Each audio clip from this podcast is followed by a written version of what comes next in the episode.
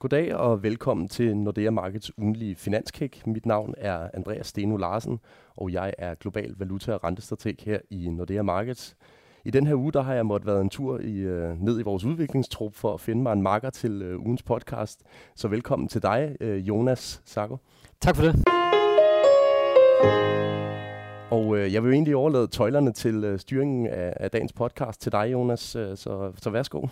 Ja, jeg skal prøve at styre os lidt igennem, hvad der sker på markedet her i den forløbende uge. Og øh, så runder vi af med at kigge ind i nøgletalskalenderen i næste uge, som også er spækket med spændende begivenheder.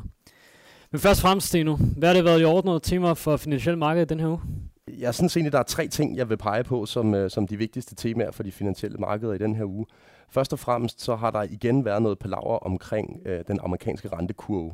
Øh, den er blevet ved med at flade, det vil sige, at den korte rente, den indhenter øh, på den lange rente i den amerikanske rentekurve. Og grund til, at det er så vigtigt, det er, at øh, enhver recession siden 2. verdenskrig er blevet forudgået af, at øh, rentekurven i USA den er inverteret før. Så det vil sige, at den korte rente har overhalet den lange rente. Og øh, i slutningen af sidste uge, sidste fredag, var vi helt nede at, på, at der kun var 25 basispunkter i forskel mellem en 10-årig og en 2-årig rente i USA. Så det har været et stort tema, det her med, om vi igen Øh, er ved at nærme os tidspunktet, hvor at den amerikanske rentekurve den kan komme til at invertere. Øh, så har vi også haft fokus på den kinesiske renminbi. Øh, det er sådan, at Kina fortsat øh, tillader et svækkelsespres på den kinesiske valuta. Øh, og det er jo selvfølgelig en ting, som spiller ind i den handelskrig, som pågår mod, mod USA i øjeblikket. Øhm, og, og derfor så har vi holdt meget øje med det i ugens løb, at den kinesiske valuta den fortsat er blevet svækket.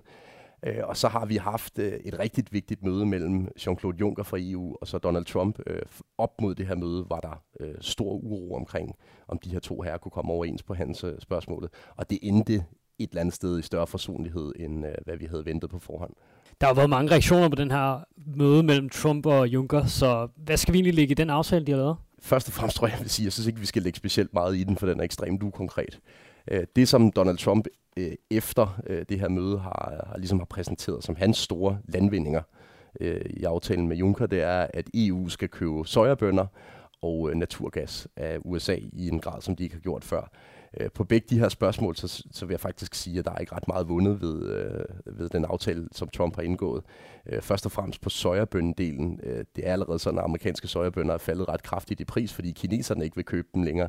Øh, så ud fra sådan et prisspørgsmål, så var det allerede attraktivt for den europæiske union at købe dem inden den her aftale med, med Juncker.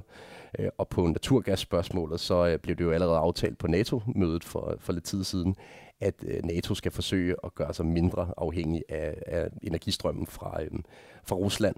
Så jeg vil sige, at der er ikke ret meget nyt i den her aftale, og på en eller anden måde, så vækker det lidt déjà vu hos mig øh, af øh, den situation, vi havde i maj, hvor at der også fra USA's side blev meldt ud, at nu havde man indgået en form for våbenhvile med Kina, øh, og så gik der et par uger, så var der fuld gang i krigen igen. Så øh, jeg vil være øh, sådan påpasselig med at sige, at den her krig mellem Europa og USA på handelsfronten, den er taget tapetet endnu. Øh, men det er selvfølgelig bedre, når vi får de her forsonlige toner fra, fra de to her, som vi fik fra Trump og Juncker. Okay, så jeg kan høre, at vi ikke skal afskrive, at øh, EU og Trump ryger totten på hinanden igen. Nej.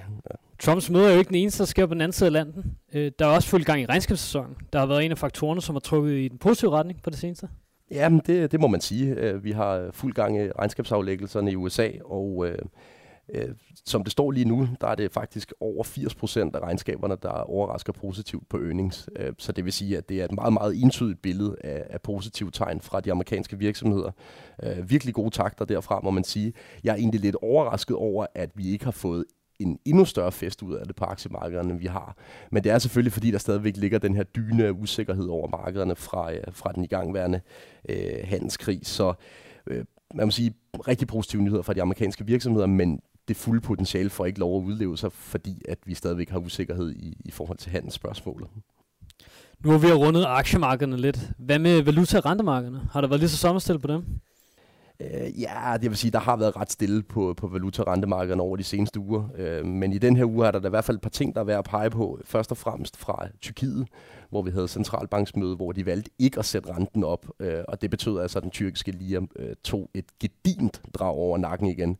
Øh, og det er simpelthen fordi markedet er bange for, at øh, den tyrkiske centralbank har, fuldstændig har mistet sin uafhængighed fra Erdogan. Øh, det er jo ikke nogen hemmelighed, at Erdogan ikke er tilhænger af at sætte renten op, og de valgte altså ikke at sætte den op i, i onsdag, selvom at, øh, at det nok havde været nødvendigt for at at sørge for, at der ikke bliver ekstra pres på liran. Så man må sige, at den tyrkiske lira, den står skidt i billedet. Og så har vi øh, også øh, haft lidt fokus på renter, øh, især lange renter, efter at der er gået en historie om, at øh, Bank of Japan kunne være på trapperne med rent faktisk at tillade, at deres 10-årige rente den ikke længere skal ligge på 0. Øh, det er sådan, de styrer deres rentekurve efter, at den 10-årige rente skal ligge på 0. Øh, men der har været nogle historier den her uge om, at de vil acceptere, at den 10-årige rente skal stige. Og det har man godt kunne se også i 10-årige renter herhjemme øh, og i øh, Europa i det hele taget, øh, at der ligesom har været nogle spillover-effekter fra den japanske historie. Så øh, på eurorentedelen er der endelig sket lidt, efter at pulsen stort set var, var gået ud af markedet hen over sommeren. Ja, apropos de her eurorenter, der var jo møde i den europæiske centralbank her torsdag, men der var ikke så meget nyt at hente til investorer investorerne? Nej, øh, jeg vil sige, jeg tror faktisk, det er den korteste pressekonference, jeg nogensinde har set fra den europæiske centralbank. Det virkede også som om, at Mario Draghi han havde et fly, han skulle nå, eller noget af den stil. Der ja. var meget, meget lidt nyt. Øhm, så øh, jeg vil sige, Draghi fastholder stadigvæk sådan, den her meget nalfaste kommunikation med, at øh, vi skal forvente en renteforholdelse efter sommeren 2019. Vi tolker det som om, at man skal vente helt til december 2019, før den renteforholdelse kommer. Øh, og så var der intet nyt i forhold til, hvordan de vil reinvestere de her obligationer, som de har på deres øh, balance. Øh, opkøbsprogrammet, i hvert fald nettoopkøbene, de slutter 31. 12. og det øh, bliver der ikke pillet ved. Øh, det var også kommunikationen fra Draghi. Så intet nyt i forhold til det møde i juni, hvor han fremlagde alle de nye ting. Nu har vi de her centralbanker oppe, så der er jo masser af centralbanksaktion på tapetet i næste uge. Kan du løbe os lidt igennem, hvad der kommer til at ske i kalenderen der? Øh, ja, vi har både øh, Bank of Japan møde, øh, Bank of England møde, og så også møde i den amerikanske øh, forbundsbank Fed. Og øh, for at starte fra en ende af, så øh, Bank of Japan, der mødes tirsdag, øh, der er det selvfølgelig hele det her spørgsmål om, om de tillader, at 10-årspunktet på deres rentekurve, det kan få lov at stige, der bliver interessant. Øh, vi tror, at det er alt for tidligt at spekulere i den slags. Øh, der er fortsat en inflation på under 1% i Japan, og hvis noget, så peger pilen faktisk nedad. Øh, så hvis de skal tage deres 2% inflationsmål seriøst, så tyder det ikke på, at øh, de kommer til at lave nogle ændringer af politikken. Hvis at de accepterer at lade 10-årspunktet øh, stige på rentekurven, så har det udelukkende til formål at hjælpe øh, japanske banker. Øh, så det er ikke noget, man skal tage som et signal om, at nu kommer øh, Bank of Japan til at føre en strammere pengepolitik. I forhold til Bank of England, der forventer de fleste analytikere, at de sætter renten op. Øh, vi er et af de få analytikerhuse, som forventer, at de fastholder renten i ro, og det gør vi blandt andet, fordi at inflationen den er aftagende i Storbritannien. Øh, så vi forventer ikke, at de sætter renten op på næste torsdag, men det bliver et spændende møde. Og så på onsdag, Federal Reserve, øh, det er et af de her møder, hvor der ikke er så meget øh, action at forvente. Øh, det er jo sådan, at Federal Reserve i øjeblikket ser ud til at være på autopilot med en kvartalsvis renteforhøjelse. Og øh, det møde, der kommer nu her på onsdag, det er et af de møder, hvor der ikke er pressekonferencer, ikke er opdateret prognoser fra, fra Fed. Øh, så derfor så øh, er det ikke et af de møder, hvor de plejer at sætte renten op, og det kommer de heller ikke til at gøre på onsdag, og vi får i bund og grund meget lidt nyt fra, fra Fed, øh, ud over det her statement, som bliver øh, publiceret på deres hjemmeside. Udover centralbankerne, så er det jo også en uge fyldt med nøgletal. Blandt andet den amerikanske jobrapport, som vi også kender som konge nøgletal. Som, hvad skal man forvente sig af den? Ja, det er jo på næste fredag, der er jobrapport fra, fra USA. Det det. Og øh, igen igen, øh, så vil jeg sige, at det, der er fokus for markederne, øh, og også for os, det er det her lønvæksttal, som, øh, som er en del af jobrapporten.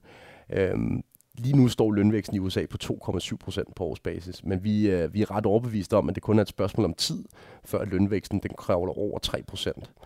Øh, og grunden til, at det er så vigtigt at følge det her lønvæksttal, det er, at øh, jeg vil sige, at lønvækst måske næsten er grund nummer et til, at Federal Reserve er så sikre på, at de bliver ved med at, at sætte renten op, øh, også i de kommende kvartaler. Så hvis lønvæksten ikke leverer, så, øh, så er det noget, der får stor betydning for, for Federal Reserve.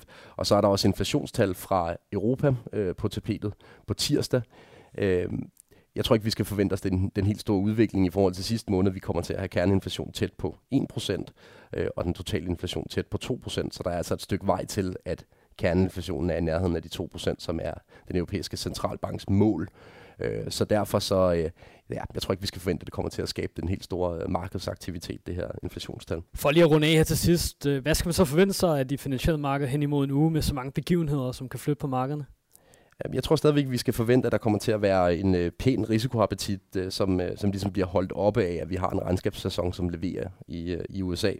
Øh, og så øh, vil der være mest fokus fra markedernes side på det møde, der kommer i Bank of Japan. Øh, for hvis de begynder at lave den her manøvre, hvor de lader 10-årspunkter på rentekurven flytte sig opad, så er det noget, som også sender et signal til den amerikanske rentekurve, til den europæiske rentekurve og også til den, øh, til den hjemlige her i Danmark, øh, om at de lange renter godt kan flytte sig lidt opad, øh, og vi kan få en stejlere rentekurve igen. Øh, jeg tror, at Banker Japan kommer til at skuffe markederne, så øh, på den måde kan der, kan der så ende med ikke at komme så meget action. Øh, men hvis de leverer på den historie, som øh, var udløbet af den her uge, så skal vi forvente, at renterne de begynder at bevæge på sig i den lange ende. Og så på valutamarkedet, der vil jeg stadigvæk sige, at det er mit indtryk, at vi skal forvente, at dollaren den forbliver sådan lidt i førersædet. Øh, øh det, det er ret tydeligt for mig, at hver gang vi har fokus på handelskrig, hvilket vi stadigvæk kommer til at have næste uge, øh, så er det faktisk primært dollarpositivt, også selvom at handelskrigen er startet ud af USA. Og det er det, fordi at investorer de søger øh, mod sikre havne, når at, at den her handelskrigsuro, den, øh, den ligesom kommer på tapetet. Tak for det, og det var denne uges Finanskig med Nordea Markets. Tak fordi I lyttede med, og på vegne af Andreas Steno og mig selv, Jonas Sago, vil jeg gerne ønske jer en god weekend og på genhør i næste uge. thank you